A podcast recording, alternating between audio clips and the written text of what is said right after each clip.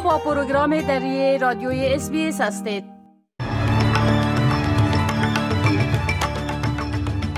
با عرض سلام ما صاحب شکیب شما را به شنیدن مهمترین اخبار امروز 26 ماه آگست سال 2023 دعوت می کنم.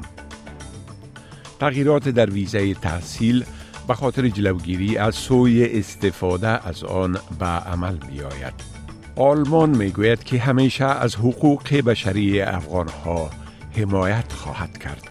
حکومت روسیه اظهار نظرها در مورد دادن دستور کشتن یوگنی پریگوژین رئیس ارتش خصوصی واگنر را رد کرده است.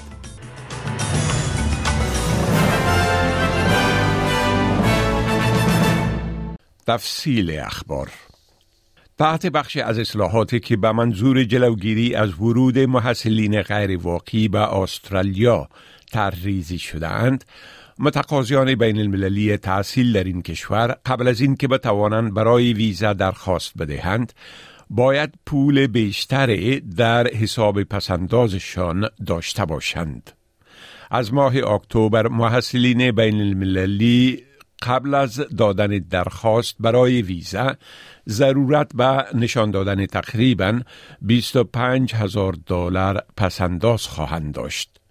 حکومت فدرالی همچنان در حال بستن درز در سیستم ویزا است که به محصلین بین المللی اجازه می دهد که کورس های پوهنتونشان را با شمولیت در کالج های خصوصی ترک کنند تا بتوانند به جای تحصیل کار نمایند.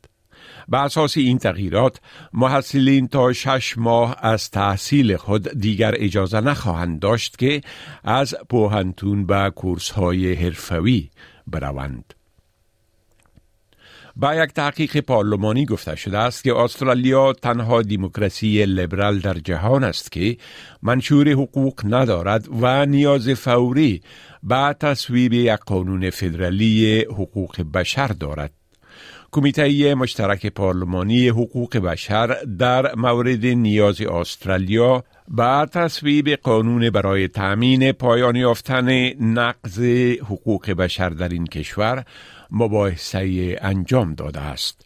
بسیاری از مدافعان حقوق پناهندگان و پناهجویان می‌گویند که بدون چنین اقدام استرالیا در صحنه بین المللی یک کشور مجزا و منزوی از دیگران باقی خواهد ماند. یک نهاد حامی مردم همجنسگرا در تزمینیا به نام اکوالیتی تزمینیا خواستار غرامت برای کسانی است که به اساس قوانین قبلی این ایالت که همجنسگرایی را غیر قانونی می شمرد مورد تعقیب قانونی قرار گرفتند.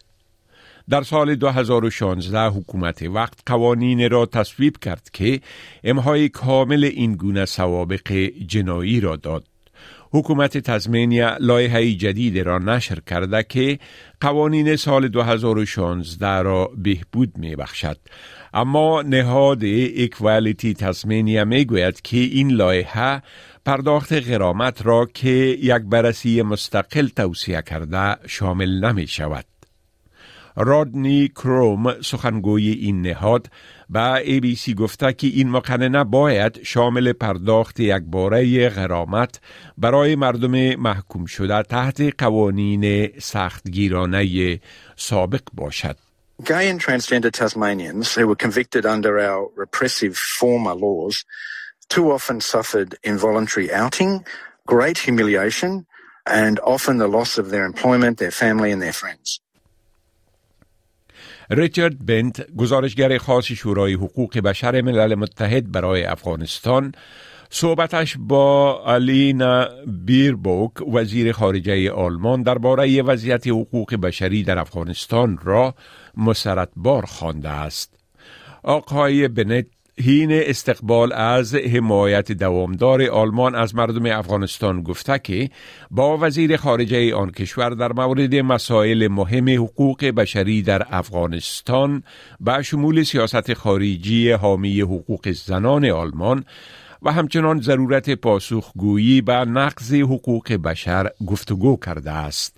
وزارت خارجه آلمان هم درباره ملاقات وزیر خارجه الینا بیربوک با گزارشگر خاص سازمان ملل متحد برای افغانستان در مورد وضعیت موجود در آن کشور گفته است که آلمان همیشه از افغانها حمایت خواهد کرد. این وزارت علاوه کرده که همبستگی آلمان با مردم افغانستان خلل ناپذیر است و از دفاع از حقوق بشری آنان دست بردار نخواهد شد. این ملاقات در حال صورت گرفته که اقدامات طالبان برای محدود کردن آزادی های فردی و خصوص حقوق زنان در حال افزایش است. چنانچه نهاد حقوق بشری رواداری هم اخیرا ابراز نگرانی کرد که سیاست های تبیزامیز طالبان تغییر نکرده در عوض محدودیت های بیشتری نیز بر مردم به خصوص زنان و دختران تعمیل شده است. روسیه می گوید ادعاهای مبنی بر این که کرملن دستور کشتن یفگانی پریگوژین رئیس ارتش خصوصی واگنر را صادر کرده دروغی کامل است. این تکذیب در حال صورت می گیرد که مقامات روسی می گویند ده جسد و ثبت کننده پرواز را از صحنه سقوط جتی که گمان می رود رئیس واگنر در آن کشته شده باشد پیدا کردند.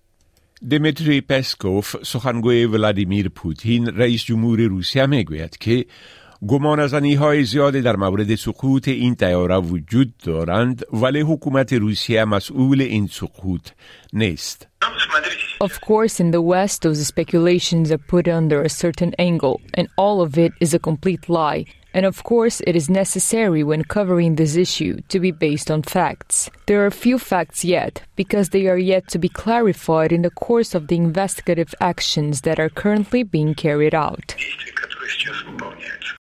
پسکوف همچنان از تایید مرگ آقای پریگوژین خودداری کرده و دلیل آن را نیاز برای حصول نتایج معاینات بر اجساد می داند.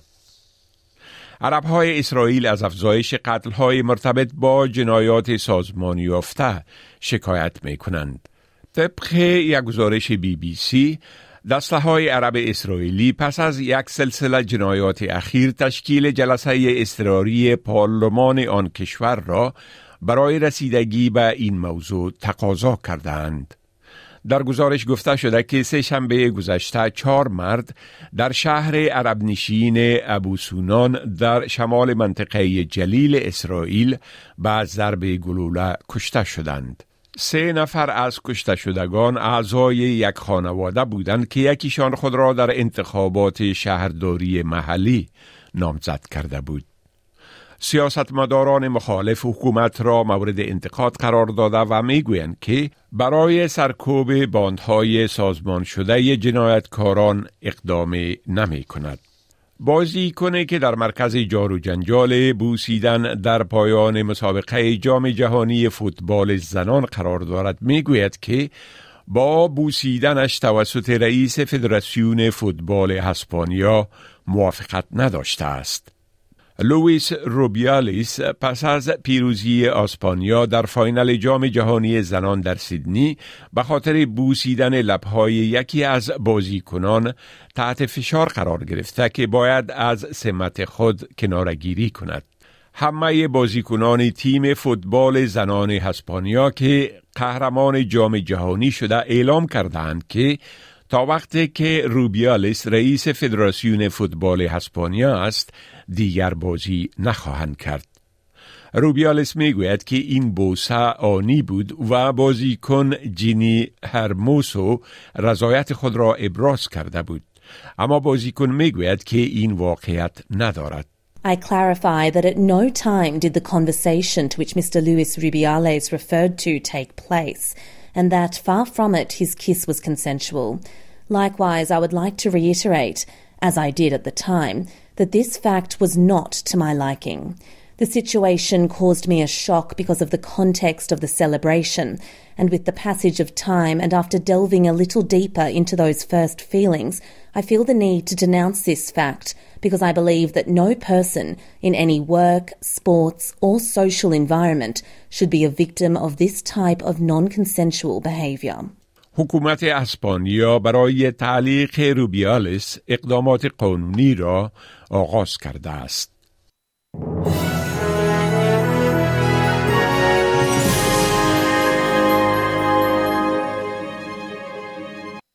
حال اخبار ورزش ارزش دلار استرالیایی در برابر اسعار جهان و وضع هوا برای فردا استرالیا در جام جهانی باسکتبال در ژاپن فنلند را با نتیجه 98 بر 72 شکست داده است. پتی میلز کپتان تیم استرالیا ملقب به بومرز با 25 point بیشترین امتیاز را برای بومرز حاصل کرد. جاش گیدی یکی از بازیکنان تیم استرالیا به یک چینل ورزشی گفت که بومرز بازی را با کندی شروع کردند. First game of any major tournament like this, everyone's going to come out strong, uh, motivated, and, and, ready to go. And I think uh, both teams played very well in the first half, um, but we were able to settle in, um, get used to what we want to run on, on both ends of the floor, and, and settle into this. So um, we're in it for the long run. Um, our goal is to be the last team standing. تیم استرالیا در مسابقه آینده به روز یک شنبه با تیم آلمان در اوکیناوا مقابل خواهد شد. ارزش یک دلار استرالیایی در بازارهای تبادله اسعار معادل تقریبا 53 افغانی 64 سنت امریکایی 59 سنت یورو و 51 پنس بریتانوی می باشد.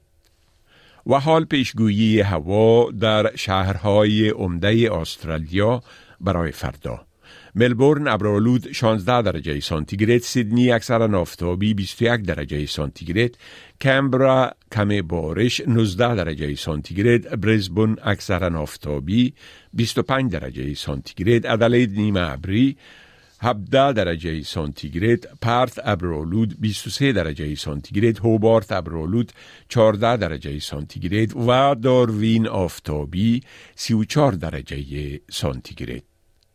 این بود تازه ترین اخبار از پروگرام دری رادیوی اس بی اس